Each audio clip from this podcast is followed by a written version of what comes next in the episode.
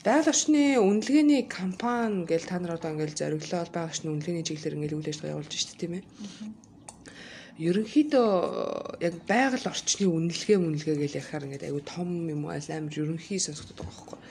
Тэгэхээр ингээд айгүй олон иргэдэд ч юм уу амар олон компаниудад те хамгийн нийтлэг талаараа хамгийн хамаатай асуудал нь одоо яг юу юм байгаль орчны үнэлгээ хийлгэх нь гэхэлэр жишээлх юм бол танай нэг компани одоо үйл ажиллагаа гэдэг юм уу эсвэл ингээд байгаль орчны чиглэлийн энэ асуудал одоо хүн болгонд хамаатай байх асуудал муу юм уу биш юм уу гэдгээс яриага эхлүүл ямар байна.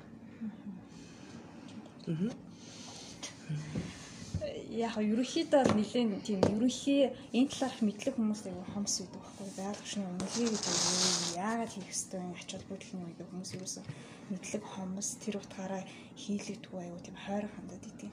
А гэтэл энэ чинь хүн болгонд хамаатай асуудал бол хамаатай. А яагаад хамаатай вэ гэхээр зүгээр наад захын жишээ нь хүн болгон ядаж л нөгөө хогоо ангилах ёстой шүү гэдгийг одоо зарим хүмүүс бол мэдэхгүй шүү дээ. Ангилснараа ямар ач холбогдолтой тэрийг яаж дахин боловсруулж болох уу үгүй юу гэдгийг бол хүмүүс мэдэхгүй. А гэтэл энэ үнэлгээг хийлгэснээрээ ядаж л хогоо ингээд 4-5 төрөлд ангилаад унтраа ийшээ өгчих, цаасаа ийшээ өгчих хий бол энэ чинь дахин боловсруулагдаад ийм бүтээгдэхүүн болно гэдгийг л ингээд зөвлөхэд л гол ач холбогдол нь байгаа байхгүй юу. Хийлгэснээрээ тухайн иргэнч бай, чухал нэгжч бай, үнэлгээ хийлгэж тухайн үйл ажиллагаа явуулж хахад тэг үйлдвэрч юм уу ямар нэгэн үйл ажиллагаа явуулж хахад таны тэр үйл ажиллагаанаас байгаль орчинд ямар сөрөг нөлөө үзүүлж байна. Тэрийг арилгахын тулд яах ёстой вэ гэдгийг л одоо мэржлийн байгууллага зөвлөж тэрний дагуу одоо төсөл хэвжүүлэгч тэр иргэн аж ахуйн гэж тэрийг хэрэгжүүлж ажилласнараа тэр байгаль орчинд үзүүлж байгаа сөрөг нөлөөллийг бууруулахад л ач холбогдолтой. Аа. Ядаж л бид нар одоо хогоо ингэж ингэж ангилах хэрэгтэй байна тий усны хэрэглээ чи юм байна ийм ийм зүйл тусч англи гэдэг чиглэлээр бол зөндөл олон удаа сурталчилга яваалал гудамжинд хүртэл одоо хогийн савнгаа хоёр тасалгаатай нэгэн дахь хөрч гэдэг юм уу тийм нэртэй энэ төр болцсон байсан шүү дээ гэхдээ тэрийг одоо хийснээрээ иргэдэд яг ямар одоо жишээлх юм бол би хогийг ангилж ил хайснаар надад юм арчил бүтэлтэй. За яг гудамжинд тийм дахиур тэгээ нөгөөх нь болохоор шууд хайдаг хог гэдэг юм. За усны саваа тахирлуу хийч. А нөгөөх нь бол тэгээ ингээд арай өөр цаасаа хийчих гэдэг юм уу те тэгж бодоод хийчих болох юм. А гэтэл би гэртээ хогийг англи ялгах надад төвхтэй байгаа би гэртээ нэг хогийн сав тавих уу, таван хогийн сав тавих уу, эсвэл хоёр хогийн сав тавих уу гэж ялгаад шүү дээ. Зай талбай эдлгээс өсвөлээл гэрийн өнгө үзэмж тийм үстэй. Тэгэл хог олон хувин байх энэ төр гэдэг чинь хүн тэгээ хэцүү байгаа үстэй. Тий, энэ талаар ирээдүйд бид нар ямар нийгэмд амьдрахыг хүсэж байна тий. Бүх хүүхдээ ямар одоо орчныг бүрээл үзүүлмээр байна. Одоо дэлхийн нийт хог хаягдал чинь зүгээр зүгээр гэдэг дээр л ер нь бодох хэрэгтэй байхгүй юу? А бид нар англи яг англиад англихгүй англиад хаяхлаар бид нарт маш төвөгтэй, ядаргаатай нэг тийм хэцүү төвөгтэй л санагдчил байгаа ахalta. Гэхдээ тэрийг хайснараа бид нар ядаж л тэр хүсний бохирдлыг бууруулж чадна тий. Хог хаягдлыг цэвэрхэн тийм гоё орчинд амьдрах хүслийг бүрдүүлж чадчихээн. А ямар нэгэн түүх эдийн нөөцийг гаргаж чадчихээн. Бүтээгдэхүүн үйлдвэрлэх цаашаа ингээд хогийг өөрөө баялаг болгож одоо бүтээгдэхүүн үйлдвэрлэж чадчихна л гэсэн үг байхгүй. Тэгэхээр эн чинь эдийн засгийн хувьд ч гэсэн ач холбогдолтой бидний орчин амьдарч байгаа орчин ч гэсэн өөрөө ингээд илүү цэвэр цэвцгээр эрүүл орчинд амьдрах юм хүслийг бүрдүүлэхэд хүн болгон хувь нэрээ оруулж яана л гэсэн байхгүй. Гол ач холбогдол нь л тэр юусэн. Тэн хоо тэгэл төвшөөгөл байх юм бол бид нар энийг хүн болгон өөрөөсөө бүх өөрчлөлтийг эхлэх ёстой шүү дээ. Манай улсын хувьд одоо жишээлх юм бол хогийг одоо хогны үйлдвэр энэ төр мод байдаг юм. Тэр тэр хогны үйлдвэр төр жишээлх юм бол ялгаж ангилдаг процедур энэ төр яаж явагддаг юм. Одоо жишээлх юм бол Япон бол одоо хогоороо арал марлаад хилээл энэ төр ингээл хийж ийн мэж ийн гэл юм яригддаг штэ. Тэгээ манад болохоор ингээд хог боловсруулалтын чиглэлийн амархан амжилттай явж байгаа чиглэлийн мэдээлэл энэ төр айгүй хомос байдаг болохоор магадгүй энэ нь бас иргэдэд одоо ядаж би хогоо англиа хийчиа гэдэг хүсэл эрмэлзлийг төрүүлдэг байх л та. Тийм яг нэг гадны орнууд шиг тэгж бас айхтар хөгжүүл юм л да Монголд. Гэхдээ яг ингээд хөгжихгүй л бас шинээр олон үйлдвэрүүд байгуулагдаад одоо гэлгар ут боловсруулдаг үнцэр боловсруулдаг юм үйлдвэрүүд гарч ирэл байгаа байхгүй. Тэгэхээр аль болох тэрийг ингээд иргэдэнч дэмжээ, төр засгаас нь дэмжээл хөгжүүлэх асуудал аа ер нь бол. тэгжээж бид нар юу аа тэгээд ядаж л одоо гудамж талбад зүгээр энгийн хог хогны сав тавихаасаа илүүтэйгээр англин ялгах тийм заавар зөвлөгөөнүүдийг тавьсан тийм самууд ингээд тавих ч юм уу тиймэрхүү энгийн энгийн юмнаас л байна байхгүй. Тэгээ яг англи гэл гудамжинд явж байгаа нэг хогийн сав нэг сав байвал яах юм тий шууд л тийшээ хаяж шүү дээ. Тийшээ янз янзын хогнууд хаягдана. А гэтэл ингээд 3 4 зэргийн юм англи үнгээр ялгцсан самууд байх юм бол ядаж хүмүүс хийгээд тэр ухамсарт нь ингээд яг орчныг л бүрдүүлээд өгчих юм бол хүмүүс ч бас тийм ухамсаргүй биш шүү. Тэгэхээр яг л орчныг бас бүрдүүлж өгөх хэрэгтэй байна. Тэгээд жоо хадвар явуулсан. Зүгээр зүгээр. Тийм. Тэгээ одоо жишээлх юм бол хогийг ангилж хайнаа гэж тэгж ш. Түл жишээлбэл чиний болохоор яаж яаж ангилах юм? Юу юу гэж ангилах юм? Цаасын нэг ут тусна. За яг ингээд ус болон усны сав болон тэгээ одоо юм хунцар савнууд болон лазыг одоо тусна хэлээ гэж бодъё. А тэгвэл бусад хогнуудыг ангилах шаардлага байдаг юм уу? Яаж яаж ангилж болох вэ? Манайх ч одоо нөгөө наривчсан онлын нүрийг бид нэр хог хаягдлыг 4-5 төрөлд ангил гэж дандаа зөвлөдөг байхгүй юу? Тэр нь болохоор нэгдүгürt цаасыг нэг тусна. Хунцар сав, лаз, хунцар сав лазыг яг хамтд нь байж болно. Аа тэгээд бид нарын гэлгор уут байна. Гурав дахь нь. Аа дөрөв дэх нь бол нөгөө ангилах боломжгүй нөгөө хүнсний органик хаягдлууд байгаа шүү дээ. Тийм хаягдлууд дөрөв дэх хаягдл. Аа нөгөөх нь аюултай хаягдл гэж байна аюултай хог аялал гэхлээр нөгөө хүмүүс дандаа том юм боддог, том үйлдвэрээс ч юм уу. Үйлдвэрүүдээс л гардаг гэж боддог боловч яг бидний өдөр тутмын амьдрал дандаа аюултай хогдол гарч идэг. Ядаж л нөгөө нэг хуруу зай тий өөр одоо ингээл янз бүрийн батарейнууд байж гин гэрлийн одоо чийдэг мэдэнчин хүртэл аюултай хогдлын ангилалд ордог байхгүй. Тэгэхээр иймэрхүү материалууд зүгээр бидний өдөр тутмын энгийн амьдралд гарч байгаа учраас энийг ч гэсэн юу нь ялах хэрэгтэй Ингээл тэр батарей ч юм уу тэр э, хурцай ораагур энэ төр янз бүрийн юмыг зүгээр хайчих юм бол дотроо маш их хүнд металл агуулж идэг учраас эргээд нөө хөрсний бохирдол үүсгэж бидний эрүүл мэндэд үр хүүхдийн эрүүл мэндэд л эргээд маш урт хугацаагаар л сөрөг нөлөөзүүлж ш. Тэгэхээр заавал ангилах шаардлагатай очиж байгаа. Тэгэхээр ерөнхийдөө ийм нэг 5 төрөлт ядаж ангилаач гэдгийг зөвлөмжийг өгдөг байхгүй. Цаас, хуудсар, лаз Аа тэгээд нөгөө ангилах боломжгүй нөгөө органик хаягдл хүнсний хаягдл ч юм уу тийм хаягдлууд гэж юм. За тэгээд аюултай хаягдл. Цаасандаа одоо жишээлх юм бол чихрийн цаас орох уу? Гэлгэр цаас бичгийн цаас одоо юм бидний одоо бичгийн цаас нойлын цаас. Тийм, тиймэрхүү цаас. Нойлын цаас бас болохгүй байна. Ер нь бол дандаа юм бичгийн цаас, дэвтэрний цаас, иймэрхүү цаасад ордог байхгүй. Тэгээд бид нар нөгөө нэг цаасны үйлдвэрийн бас үнэ. А тэгвэл нойлын цаас жишээлх юм бол одоо жишээлх юм бол ариун цэврийн хэрэглэл шүү дээ. Даамсгах шиг тийм үү. Эдрийг юу хийх вэ? Органик руу хийх юм уу? Ялах боломжгүй. Боловсруулах боломжгүй байхгүй. А тэгэхээр тэрийг органик хаягдлаа нийлүүлэх юм уу? Эсвэл бүр тусна байх хэрэгтэй юм уу тэгэхээр?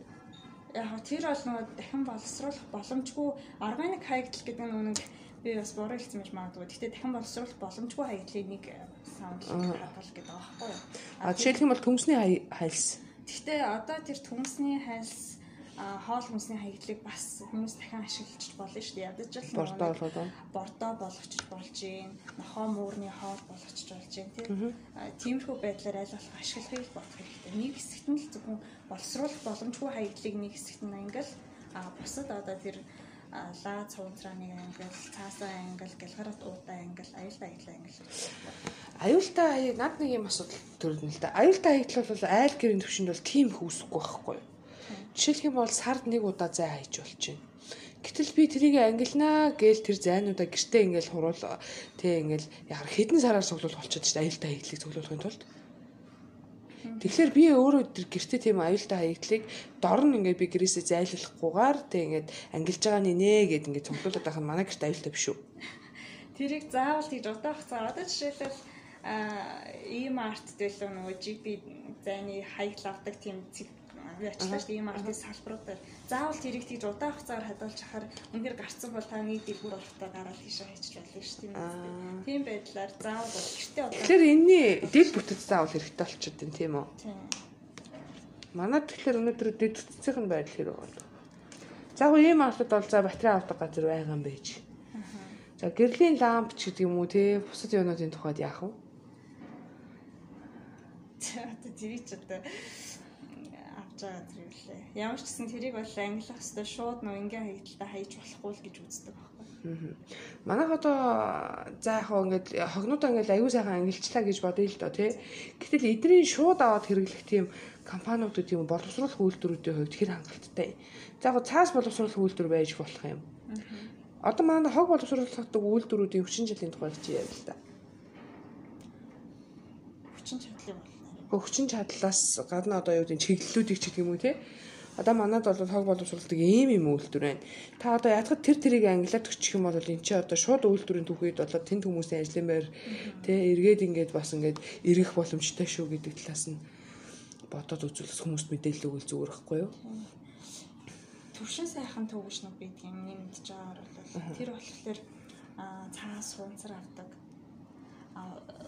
Сүүлд бүр энэ нойлын цасны гол авдаг болсон байсан. Оо за одоо нойлын гол хатуу гол тэрийг буцаагаал нойлын цасанд ашиглах гэдэг шүү дээ. Тэгэхээр тэрийг эвдлэхгүйгээр 1 кг-ийн 500 төгрөгөөр авъя ч гэдэг юм уу тийм хүн явж байгаа байхгүй. За тийм нэг үйлдвэр яг бодтой үйл ажиллагаа явуулж байгаа нэг тийм үйлдвэр байж байна. За тэгээд автомашины нөгөө дуу сэлбэг тосны шүүр мүү боловсруулдаг тийм юу лээ алтан ашиглуу тийм үйлдвэр байна. За цаасны үйлдвэр гэх юм бол энэ цайн цаас байна, Эко парк Монгол гэх юм цаас дахин боловсруулаад тэрийгээрээ буцаагаад бүтээгдэхүүн болгоод гаргадаг юм үйлдвэрүүд байж байгаа. За нэлээд идэв үйлдвэр гэдэг юм а би үнэлгээнийхээ тайлбар агуулж өгдөө. Хараад хэлэхгүй ч гэж. За за тэгвэл ерөнхийдөө гэхдээ бас манад бас нөгөө нэг яг энэ дэд бүтцэн одоо яг бэлэн болсон гэдэг юм уу те тийм юу бол бас хэцүү л байгаа шүү дээ. Одоо жишээлх юм бол би яг GP дээр бол тэр ийм артер бол хасан GP-г л юм боо үстэй. Samsung-ыг ах уу?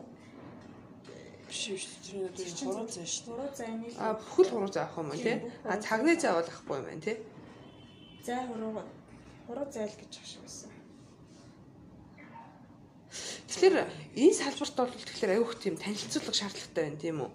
Одоо жишээлх юм бол би өнөөдөр энийг англиад ингэснээрээ жишээлх юм бол надад болон өөр бусдад ямар ашигтай вэ гэдгийг эхлээд мэдэх хэрэгтэй байна тийм ээ хүмүүс. Тэгээ хэрэг мэдэхгүй болохоор одоо жишээлх юм бол би энийг англиа хайсан ч гэсэн эцсийн дүндээ хогийн зэг дээр очиод нийлүүлэгдээд хайчихвэл миний хөдөлмөр талаар болчихж байгаа үстэй. Миний зүтгэлч гэдэг юм уу те. Тэгэхээр энэ чиглэлийн юмнууд бол аюух дутагдж байгаа юм байна гэж ойлголоо энэ салбарын хувьд. За тэгвэл байгаль орч компаниудын хувьд тэг хэрэг хамаатай асуудал энэ одоо энэ байгаль орч. Одоо жишээлх юм бол би нэг сэтгүүл эрхэлдэг байлаа гэж бодъё л доо тий. Зүгээр жижигхэн хэвлэл мэдээллийн байгууллага эрхлэгч. Тэгвэл миний хувьд одоо жишээлх юм бол тана энэ байгаль орчны асуудал тамаатай асуудал мөн үү биш үү? Нэг бичлэл юм жижиг компаниудын хувьд. Тийм бичлэл одоо танах бол юм одоо бичиг хэргийн офис яаж шүү дээ. Тэгэхээр тэн дээр бол яг саяны гадаг тэр хаягдлын асуудал яригдана. Өөр бол нэг тийм байгаль орчин сүрмэлөө үзүүлж ингэж үзэх юм байхгүй. А зүгээр байгаль орчны үнэлгээг бол ямар төслүүдэд хийдэг вэ гэхлээр үйлдвэрлэл, үйлчлэгээ, үйлчлэгээ гэдэг нь одоо аялал жуулчлал юм уу, явдлаа үйлчлэгээний төв. А уул уурхай бид бүтцийн төслүүд хийдэг.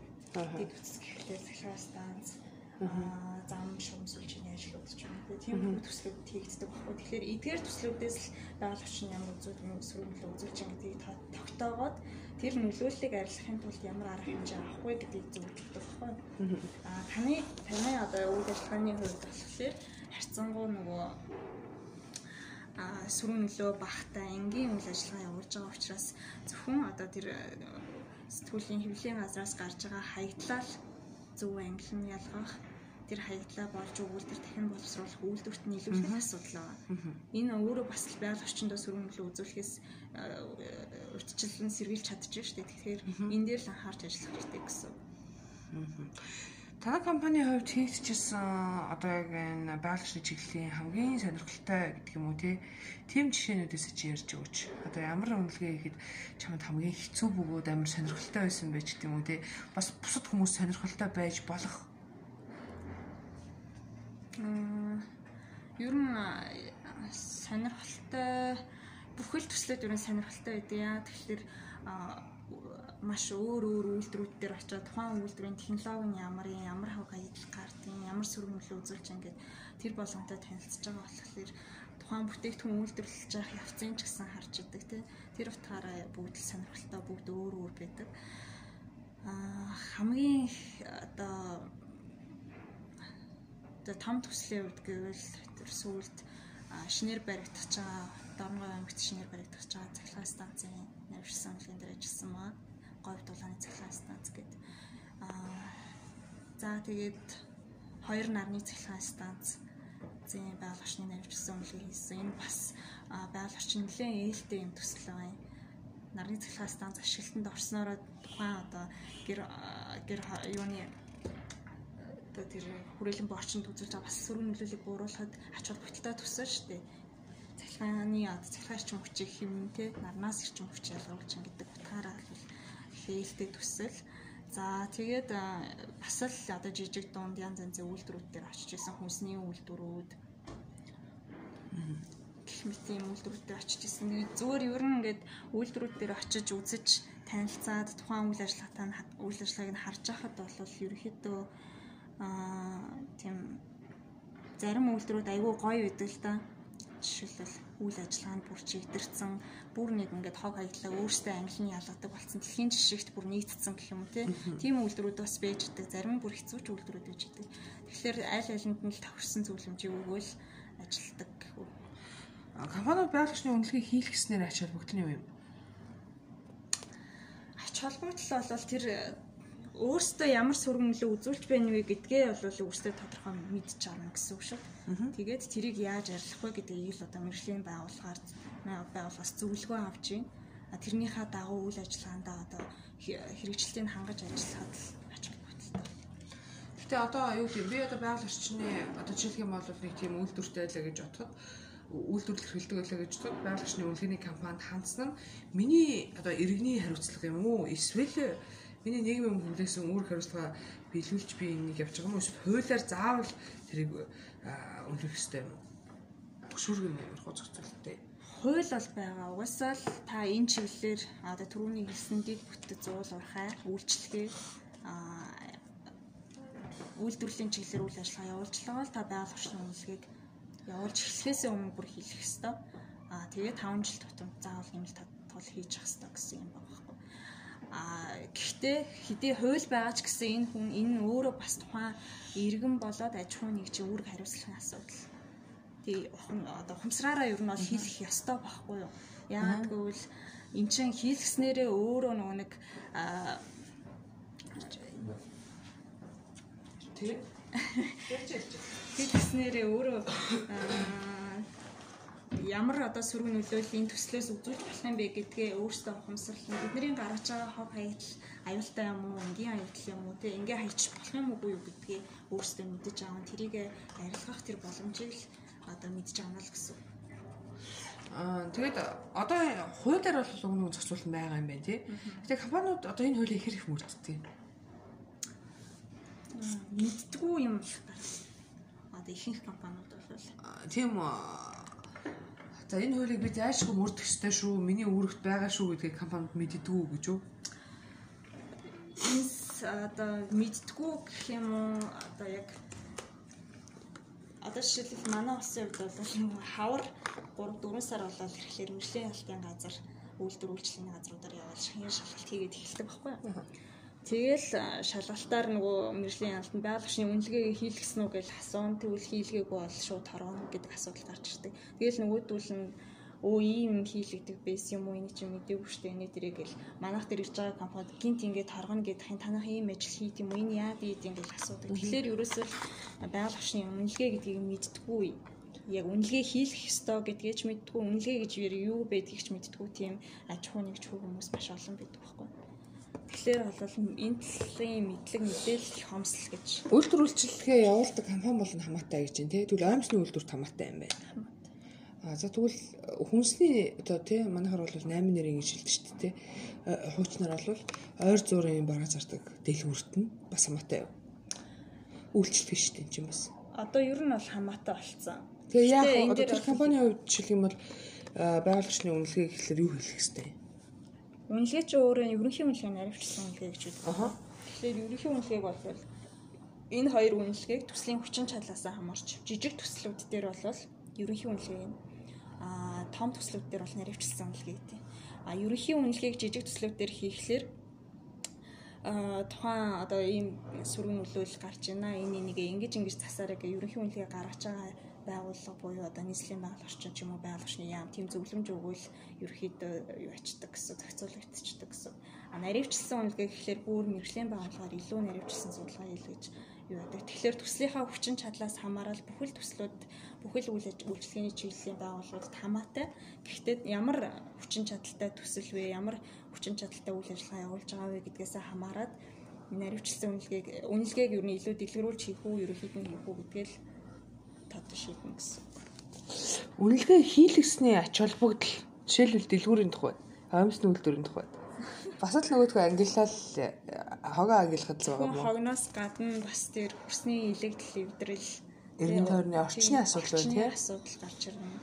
Аа ногоон байгууламж байгуулсан юм уугүй юм уу тийм эсвэл тэнд ургацсан байсан модыг тэр үйлдвэр барьж ирээд тийм унгаага хийсэн юм уу тийм тайраа хийсэн юм уу гэдэг асуудал яригдах байхгүй. Тэрийг үзэж харна. Аа ядаж л одоо энэ орчиндөө ингээд ногоон байгууламж байгуулах хэрэгтэй хөрсөн ингээ илэгдэл эвдэрсэн байна. Тэг ингээд шороо оолцсон байна. Энийгээ засаж тавчуулах хэрэгтэй гэдэг ийм зөвлөмжүүд бас өгөлдөө зөвхөн хог биш агаарт ямар сургууль үү? Танаас тэгвэл үгүй яг үнэлгээний компани тэгвэл тийм зөвлөмж өгдөг юм бол өнөөдрийн Улаанбаатар яагаад одоо өдрөөс өдөрт ногоон биш өдрөөс өдөр саар л болоод байгаа юм. Хэрэгжилтэй юм уу л гэдэг л та ер нь бол Одоо жишээл орчин тойрондоо нэг ч цэцэг ч юм уу нэг ч зүйлийг тариагүй газарт ямар үнэлгээ өгөх вэ? Орчны үнэлгээ яах вэ? Үнэлгээ гэхлээр яг л тухайн нөхцөл байдалд одоо тухайн төсөл хэрэгжүүлэгчээс тухайн үйл ажиллагаанаас нь ямар сөрөг нөлөө үзүүлж байгаа юм тэрийг яаж одоо зүгээр одоо тэр нөлөөлөлийг яаж бууруулах уу гэдэг дээр л ингэж зөвлөмж өгөх үнэлгээ тогтоох л гэдэг байхгүй. Одоо ийм нөл ийм ийм нөлөө үзүүлж байна. А энийг буулгахын тулд ийм ийм арга хэмжээ авах ёстой гэдэг ийм зөвлөмж л өгч байгаа. Тэр зөвлөмжийг эргээд зөвлөмжийг биелүүлсэн хэсгээр хяналт тавих нь хиний үүрэг тавих нь бол мэрэгжлийн үүрэг юм байна тий. Гэтэл яадаг вэ гэхэлэр нөгөө тайлан чинь үнэлгээний тайлгаа хийлгсэн үү хийлгээгүй юу гэдгийг ир шалгаал. За хийлгсэн бол окей гэж явцдаг. Хийлгээгүй шууд тоорогддог. А тэрс тэр зөвлөмжийг бол яг дагсан юм уу юу тий? Тэрэн дээр нь бол тийм байдгүй юм байна тий. За за за. Хийлгсэн байвал за тэгвэл хийлгсэн байна. Энэ дээр одоо байгалийн үнэлгээний тайлан чи ийм юм юм хийгээ зөвлөсөн бахад яагаад энийг хийгээгүй бэ гэдгийг юусэн шалгадаггүй тэр нь механизм аягүй тийм дутагдaltaй байгаа болохоор нөгөө компаниуд тайлангаа зүгээр хадгалцдаг, ашигладаг. Нэг компанийн хувьд одоо 5 жил нэг удаа хийлэгдэх гэдэг байгаа уу? Тийм. Танах одоо байгууллагад хэдэн жил болж байгаа вэ? Байгууллагад 3 жил болж байна. За за. Ерөнхийдөө тэгээд э, ярилцлага өнөөдрийн тухайд энэ хүрээд өндөрлөе доо. Байгууллагын асуудал бол нэлээ олон хүнд хамаатай юм байна. Илүү өргөн хүрээнд те илүү нийтлэг талаас нь өнөөдөр бол хоёлаа яриагаа явуулах гэж зорилоо штэ. Дараагийн удаа арай илүү байгууллагын жишээн дээр төвлөрж ярьсан тийм нэг жилбэр ярьцлах хэвэл зүгээр юм болов уу гэж бодож байна. Мэдээлэл өгсөндөө баярлалаа даагийн. За баярлалаа.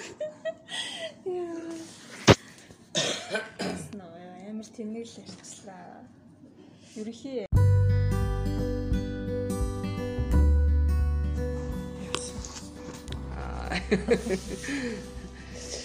Байгаль орчны үнэлгээний компани гэж та нар одоо ингээл зориглоод байгаль орчны үнэлгээний чиглэлээр ингээл үйл ажиллагаа явуулж байна тийм ээ. Ерөнхийдөө яг байгаль орчны үнэлгээ үнэлгээ гэж яхаар ингээд аюу том юм аль амар ерөнхий сонсогддог байхгүй. Тэгэхээр ингээд аюу олон иргэдэд ч юм уу амар олон компаниудад те хамгийн нийтлэг талаараа хамгийн хамаатай асуудал нь одоо яг юу юм байгаль орчны үнэлгээ хийлгэн гэдгээр жишээлх юм бол танай энэ компани одоо үйл ажиллагаа гэдэг юм уу эсвэл ингээд байгаль орчны чиглэлийн энэ асуудал одоо хүн болгонд хамаатай байх асуудал муу юм уу биш юм уу гэдгээс яриага хэлүүл ямар байна.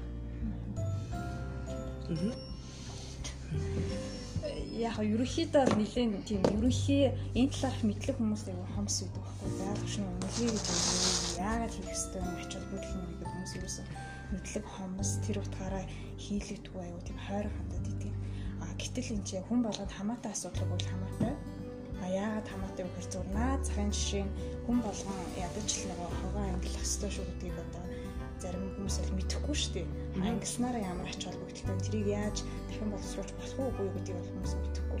А гэтэл энэ үнэлгээг хийлгэснээрээ ядаж л хаваа ингээд 4-5 төрөлд ангилаад унтраа ийшээ өгчих, цаасаа ийшээ өгчих. Инхээ бол эжим дахин боловсруулагдаад ийм бүтээгдэхүүн болно гэдгийг л ингээд зөвлөхэд л гол ач холбогдол нь байгаа байхгүй юу? Хийлгэснээрээ тухайн иргэнч бай, чухны гिचч бай, а үнэлгээ хийлгэж тухайн үйл ажиллагаа явуулж хаад тэг үйлдвэрч байгаа ямар нэгэн үйл ажиллагаа явуулж хаад таны тэр үйл ажиллагаанаас байгаль орчин ямар сөрөг нөлөө үзүүлж байна. Тэрийг арилгахын тулд яах ёстой вэ гэдгийг л одоо мөржлийн байгууллага зөвлөж тэрний дагуу одоо төсөл хэрэгжүүлэгч тэр иргэн аж ахуйн гэж тэрийг хэрэгжүүлж ажилласнараа тэр байгаль орчинд үзүүлж байгаа сөрөг нөлөөллийг бууруулахад л ач холбогдолтой.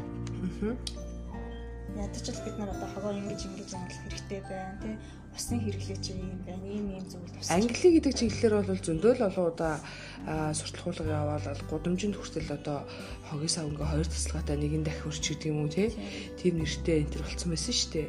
Гэхдээ тэрийг одоо хийснээрээ иргэдэд яг ямар одоо жишээлх юм бол би хогийг ангилж ил хайснаа надад юм арчил бүтэлтэй. За яг гудамжинд тийм дахиур тэгээ нөгөөх нь болохоор шууд хайдаг хог гэдэг юмгүүс. За усны саваа дахиурлуу хийчих. А нөгөөх нь бол тэгээ ингээд арай өөр цаас хийчих гэдэг юм уу те тэгж бодоод хийчих болох юм. А гэтэл би гэртээ хогийг англи ялгах надад төвхтэй байгаа би гэртээ нэг хогийн сав тавих уу, таван хогийн сав тавих уу, эсвэл хоёр хогийн сав тавих уу гэж ялгаад шүү дээ. Зай талбай эзлэхээс өсөөлөөл гэрийн өнгө үзэмж тийм үстэй. Тэгэл хогийн олон хувин байх энэ төр гэдэг чинь хүн тэг хэцүү байгаа үстэй. Тий. Энэ талаар ирээдүйд бид нар ямар нийгэмд амьдрахыг хүсэж байна те. Бүх хүүхдээ ямар одоо орчныг бүрээл үзүүлмээр одоо дэлхийн нийт хог хаягдalчин Түр зүр гэдэг дээр л ер нь бодох хэрэгтэй байхгүй юу? А бид нар англи яг англиад англихгүй англиад хаяхлаар бид нарт маш төвөгтэй, ядаргаатай нэг тийм хэцүү төвөгтэй л санагдчил байгаа ахalta. Гэхдээ тэрийг хайснараа бид нар ядчил тэр хүсний бохирдлыг бууруулж чадна тий. Хог хаягдлыг цэвэрхэн тийм гоё орчинд амьдрах хүслийг бүрдүүлж чадчихээн. А ямар нэгэн түүхий эдийн нөөцийг гаргаж чадчихээн. Бүтээгдэхүүн үйлдвэрлэх цаашаа ингээд хогийг өөрөө баялаг болгож бүтээгдэхүүн үйлдвэрлэж чадчихна л гэсэн үг байхгүй. Тэгэхээр эн чинь эдийн засгийн хувьд ч гэсэн ач холбогдолтой бидний орчин амьдарч байгаа орчин ч гэсэн өөрөө ингээд илүү цэвэр цэвцгээр эрүүл орчинд амьдрахыг хүслийг бүрдүүлэхэд хүн болгон хүмүүрээ оруулж байна л гэсэн байхгүй. Гол ач холбогдол нь л тэр юусэн. Тэн яг тэгэл төвшөөгөл байх юм бол бид нар энийг хүн болгон өөрөөсөө хөгжлөлтийг эхлэх ёстой шүү дээ. Манай улсын хувьд одоо жишээлх юм бол хогийг одоо хогны үйлдвэр энэ төр мод байдаг юм. Тэр тэр хогны үйлдвэр дээр одоо жишээлх юм бол ялгаж ангилдаг процедур энэ төр яаж явагддаг юм. Одоо жишээлх юм бол Япон бол одоо хогоороо арал марлаад хэлээл энэ төр ингээл хийж ийн мэж ин юм яригддаг штэ. Тэгээ манад болохоор ингээд хог боловсруулалтын чиглэлний амархан амжилттай явж байгаа чиглэлийн мэдээлэл энэ айгүй хомос байдаг болохоор магадгүй энэ нь бас иргэдэд одоо ядаж би хогоо англиа хийчиа гэдэг хүсэл эрмэлзлийг төрүүлдэг байх л та. Тийм яг нэг гадны орнууд шиг тэгж бас айхтар хөгжөөгөл юм л да Монголд. Гэхдээ яг ингээд хөгжихгүй л бас шинээр олон үйлдвэрүүд байгуулагдаад одоо гэлгарт боловсруулдаг, өнцөр боловсруулдаг юм үйлдвэрүүд гарч ирэл байгаа Тэр айл болох тэрийг ингээд иргэдэнч дэмжээ, төр засгаас нь ч дэмжээл хөгжүүлэх асуудал аа юм бол. Тэгжээж бид нар юу аа тэгээд ядаж л одоо гудамж талбайд зүгээр энгийн хавнаас ав тавхаасаа илүүтэйгээр английн ялгах тийм заавар зөвлөгөөнүүдийг тавьсан тийм санууд ингээд тавих юм те тиймэрхүү энгийн энгийн юмнаас л. Тэр яг англиг л гудамжинд явж байгаа нэг хогийн сав нэг сав байвал яхаа тийм шууд тийшээ хайж штэ тийшээ ч янз янзын Гэтэл ингээд 3 4 зэргийн юм үнгээр ялгцсан самууд байх юм бол ядаж хүмүүс хийгээ тэр ухамсарт ингээд яг орчныг л бүрдүүлээд өгчих юм бол хүмүүс ч бас тийм ухамсаргүй биш шүү. Тэгэхээр яг л орчныг бас бүрдүүлж өгөх хэрэгтэй байна. Тэгээд зүр зүр. Тийм. Тэгээ одоо жишээлх юм бол хогийг ангилж хайнаа гэж тэгж ш. Түл жишээлбэл чиний болохоор яаж яаж ангилах юм? Юу юу гэж ангилах юм? цаасын нэг ут тусна. За яг ингээд ус болон усны сав болон тий одоо юм хувцар савнууд болон лазыг одоо тусна хэлээ гэж бодъё. А тэгвэл бусад хогнуудын ангилах шаардлага байдаг юм уу? Яаж яаж ангилж болох вэ? Манайх ч одоо нөгөө наривчсан үнхийн нүрийг бид нэр хог хаягдлыг 4-5 төрөлтэй ангил гэж дандаа зөвлөдөг баггүй. Аа. Тэр нь болохоор нэгдүгürt цаасыг нь тусна.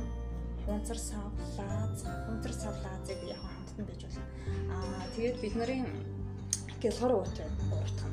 Аа дөрөвт нь бол нөгөө ангилах боломжгүй нөгөө хүнсний органик хаягдлууд байгаа шүү дээ. Тийм хаягдлууд дөрөвт хаягдл. Нөгөөх нь аюултай баятал гэж байна аюултай хог аялал гэхлээр нөгөө хүмүүс дандаа том юм боддог, том үйлдвэрээс ч юм уу. Үйлдвэрүүдээс л гардаг гэж боддог боловч яг бидний өдөр тутмын амьдрал дандаа аюултай үйлдэл гарч идэг. Ядаж л нөгөө нэг хуруу зай тий өөр одоо ингээл янз бүрийн батарейнууд байж гин гэрлийн одоо чийдэг мэдэнчин хүртэл аюултай үйлдэл аюултай ордог байхгүй.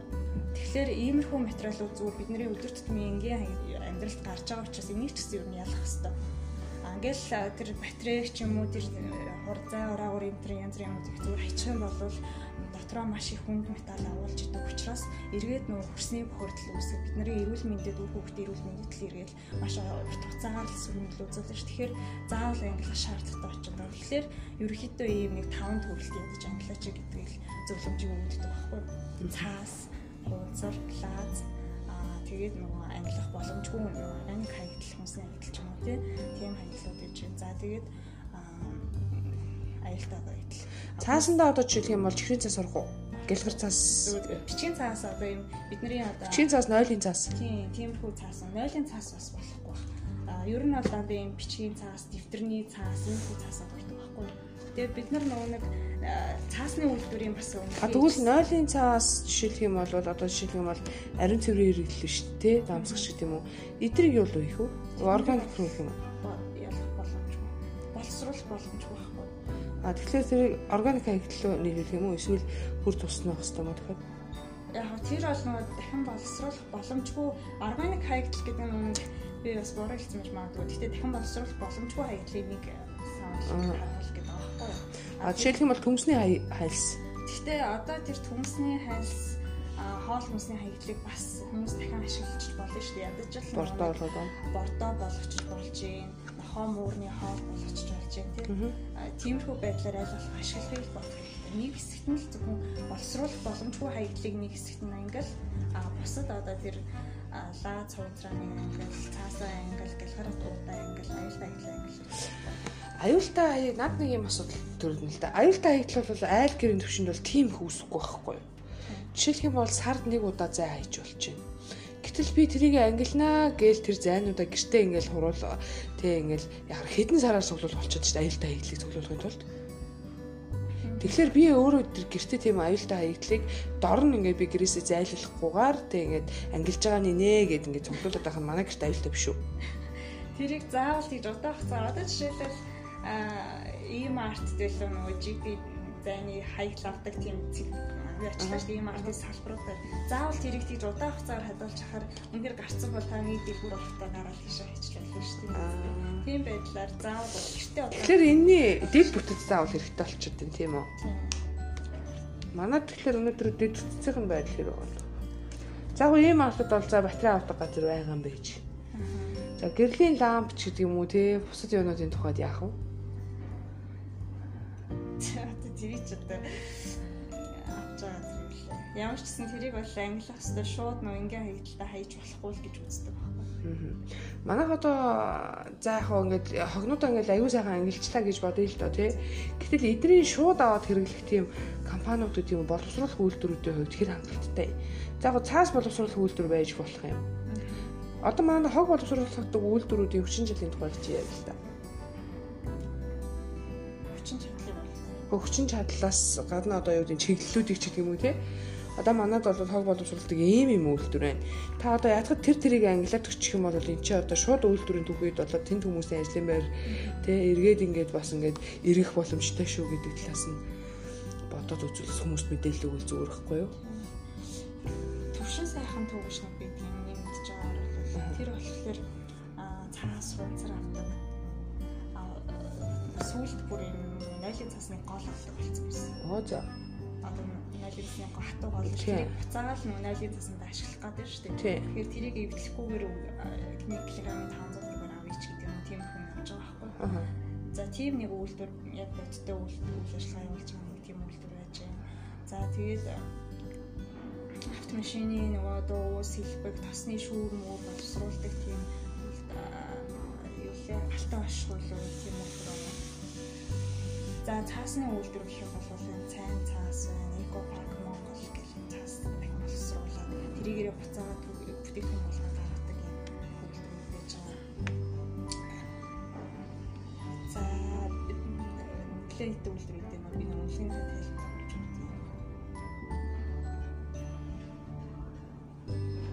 харагдчихгүй ч юм. За за тэгвэл ерөнхийдөө гэхдээ бас манад бас нөгөө нэг яг энэ дэд бүтцэн одоо яг бэлэн болсон гэдэг юм уу те тийм юу бол бас хэцүү байдал байгаа байна шүү дээ.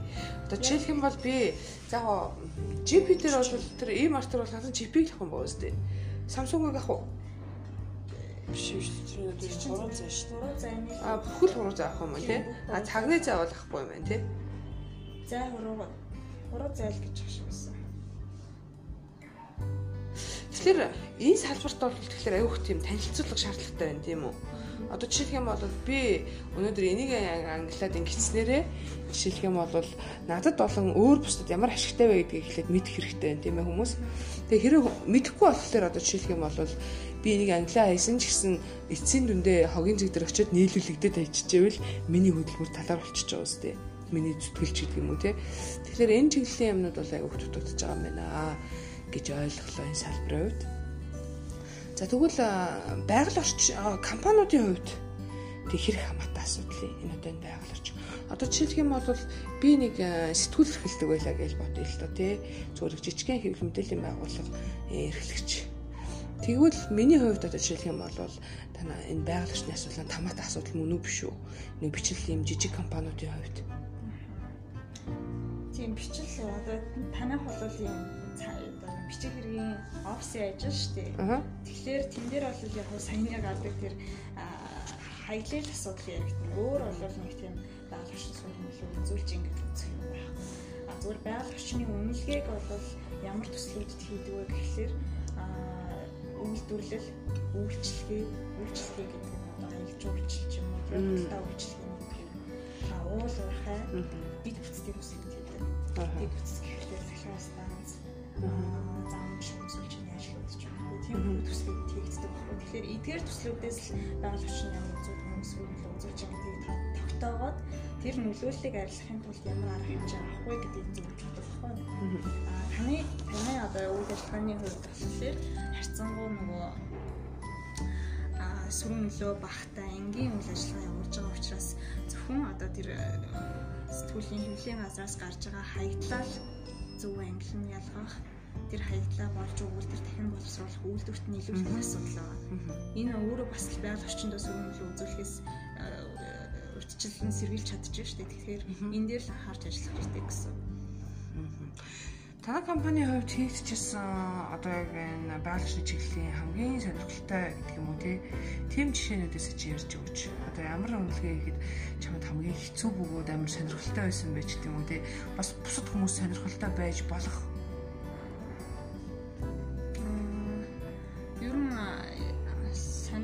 Сонирхолтой бүхэл төслүүд ер нь сонирхолтой байдаг яа. Тэгэхээр маш өөр өөр үйлдвэрүүд дээр очиод тухайн үйлдвэрийн технологи нь ямар ямар хавга аялал гардыг ямар сүрмэл үзүүлж ингээд тэр болгонтой танилцж байгаа болохоор тухайн бүтээгдэхүүн үйлдвэрлэж байгаа явцын ч гэсэн харж идэг тийм тэр утгаараа бүгд сонирхолтой бүгд өөр өөр байдаг.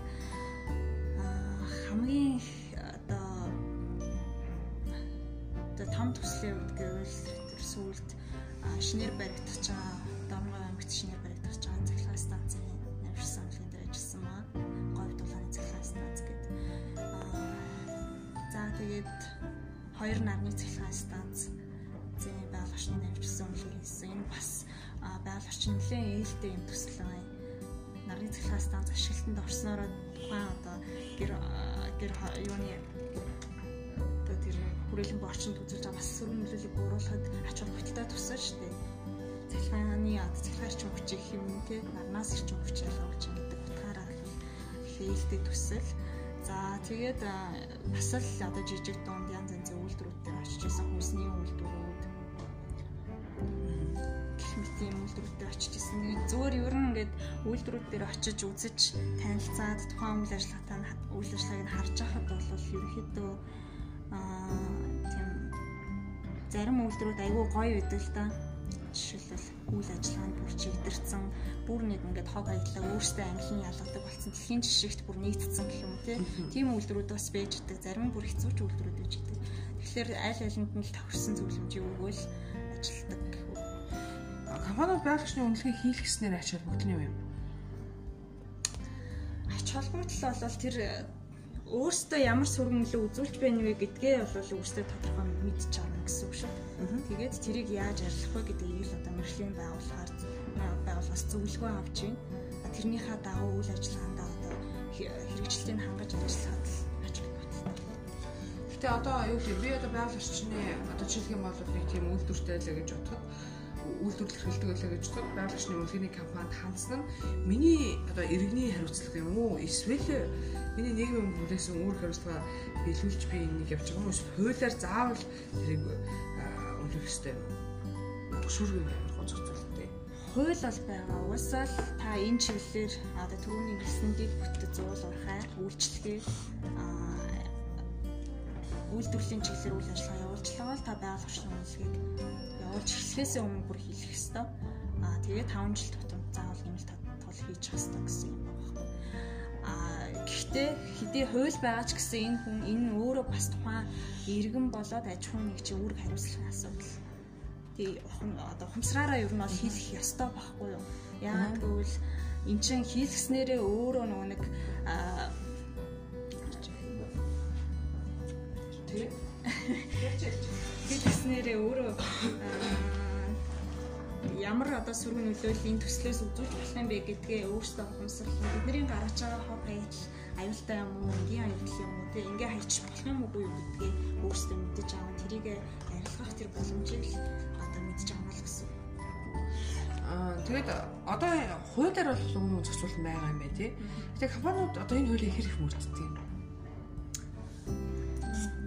мэдтгүү юм их одоо ихэнх компаниуд бол тийм За энэ хуулийг бид яашгүй мөрдөх ёстой шүү. Миний үүрэгт байгаа шүү гэдгийг компанид мэддэггүй гэж үү? Одоо мэдтгүү гэх юм уу? Одоо яг одоо жишээлбэл манай улсын хувьд бол хавар 3 4 сар болоод ирэхлээр хөгжлийн алтын газар үйлдвэр үйлчлэлийн газруудаар яваад шахны шалгалт хийгээд эхэлдэг байхгүй юу? Тэгэл шалгалтаар нөгөө мэржлийн алтан байгалийн үнэлгээ хийлгэсэн үү гэж асуун. Тэгвэл хийлгээгүй бол шууд хорвоо гэдэг асуудал гарч ирдэг. Тэгэл нөгөөдүүл нь өө ийм хийлэгдэх байсан юм уу энэ ч юм уу дэв хүчтэй энэ дэрэг гэл манайх дээр ирж байгаа компанид гинт ингээд харгана гэдгийг танах ийм ажил хийд юм энэ яа бий гэдэг асуудаг. Тэгэхээр ерөөсөө байгалийн үнэлгээ гэдгийг мэдтгүү яг үнэлгээ хийх ёстой гэдгийг ч мэдтгүү үнэлгээ гэж юу байдгийг ч мэдтгүү тийм аж ахуй нэгж хүмүүс маш олон байдаг байхгүй. Тэгэхээр бол энэ талын мэдлэг мэдээлэл их хомсол гэж. Үйлдвэр үйлчлэгээ явуулдаг компани бол хамаатай гэж байна. Тэгвэл оймсны үйлдвэр хамаатай юм байна. А за тэгвэл хүнсний одоо тийм манайхаар бол 8 нэр ингэж хэлж шүү дээ. Хуучнаар бол ойр зуурын бараа зардаг дэлгүүрт нь бас хамаатай үйлчлэх дээ юм бас. Одоо ер нь бол хамаатай болцсон Тэгээ яг одоо тэр компанийн хувьд жишээлх юм бол байгаль орчны үнэлгээ гэхэлэр юу хэлэх хэвтэй? Үнэлгээ чи өөрөө ерөнхий үнэлгээ наривчлсан үнэлгээ гэж үү? Аха. Тэгэхээр ерөнхий үнэлгээг бол энэ хоёр үнэлгээг төслийн хүчин чадлаасаа хамаарч жижиг төслүүд дээр бол ерөнхий үнэлгээ а том төслүүд дээр бол наривчлсан үнэлгээ гэдэг. А ерөнхий үнэлгээг жижиг төслүүд дээр хийхлээр тухайн одоо ийм сүргэн нөлөөлөл гарч байна. Энэ энийг ингэж ингэж засаараа гэх ерөнхий үнэлгээ гаргаж байгаа байгууллага буюу одоо нийслэлийн байгаль орчин ч юм уу орчны яам тийм зөвлөмж өгвөл ерөөхдөө юу ячдаг гэсэн зохицуулагдчихдаг гэсэн. А наривчлсан үнэлгээ гэхэлэр бүр мэрэгжлийн байгууллагаар илүү наривчлсан судалгаа хийлгэж юу яадаг. Тэгэхээр төслийнхаа хүчин чадлаас хамаарал бүхэл төслүүд бүхэл үйл ажиллагааны чиглэлийн байгууллагуудад хамаатай. Гэхдээ ямар хүчин чадалтай төсөл вэ? Ямар хүчин чадалтай үйл ажиллагаа явуулж байгаа вэ гэдгээс хамаарат наривчлсан үнэлгээг үнэлгээг юу илүү дэлгэрүүлж хийх үү, ерөөхдөө хийх үү гэдгээл гэдэг шийднэ гэсэн. Үнэлгээ хийлгэсний ач холбогдол жишээлбэл дэлгүүрийн тухай, оймсны үйлдвэрийн тухай. Бас л нөгөөдгөө ангиллал хогоо ангиллахад л байгаа юм. Хогноос гадна бас тэр хүсний илэгдэл эвдрэл эргэн тойрны орчны асуудал тийм асуудал гарч ирнэ. Аа ногоон байгууламж байгуулсан юм уугүй юм уу тий эсвэл тэнд ургацсан байсан модыг тэр үйлдвэр барьж ирээд тий умгаага хийцэн юм уу тий тайраа хийцэн юм уу гэдэг асуудал байдаг. Тэрийг үзэж харна. Ядаж л одоо энэ орчиндөө ингээд ногоон байгууламж байгуулах хэрэгтэй. Хүрсэн ингээ илэгдэл игдэрсэн байна. Тэг ингээд шараа оолцсон байна. Энийг засаж тавьжуулах хэрэгтэй гэдэг. Ийм зөвлөмжүүд асуудал зөвхөн хог биш агаарт ямар сургууль? Танаас тэгвэл үгүй яг үнэлгээний компани тэгвэл тийм зөвлөмж өгдөг юм бол өнөөдрийн Улаанбаатар яагаад одоо өдрөөс өдөрт ногоон биш өдрөөс өдөр саар л болоод байгаа юм. Хэрэгжилтэй юм уу л гэдэг л та ер нь бол Одоо жишээл орчин тойрондоо нэг ч цэцэг ч юм уу нэг ч зүйлийг тариаг газарт ямар үнэлгээ өгөх вэ?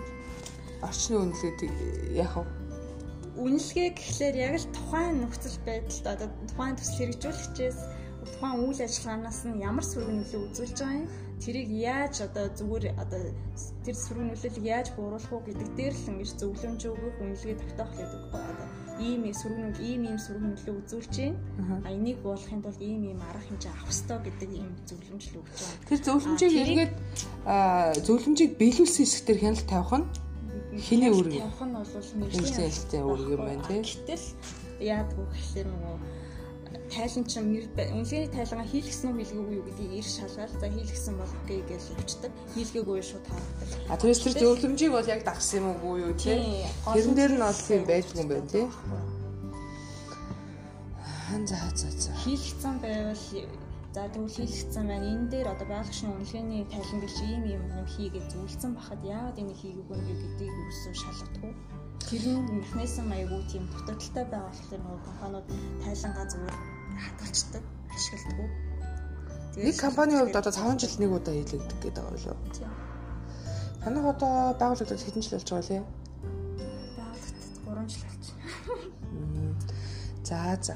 Ерөнхийдөө тэгээд э, ярилцлага өнөөдрийн тухайд энэ хүрээд өндөрлөе даа. Байгууллагын асуудал бол нэлээ олон хүнд хамаатай юм байна. Илүү өргөн хүрээнд те илүү нийтлэг талаас нь өнөөдөр бол хуулиа яриагаа явуулах гэж зорилоо штэ. Дараагийн удаа арай илүү байгуулагчны жишээн дээр төвлөрж ярьсан тийм нэг жилбэр ярьцлах хэвэл зүгээр юм болов уу гэж бодож байна. Мэдээлэл өгсөнд баярлалаа даагийн. За баярлалаа. Ямар тэнэг л ярьцлаа. Ерхий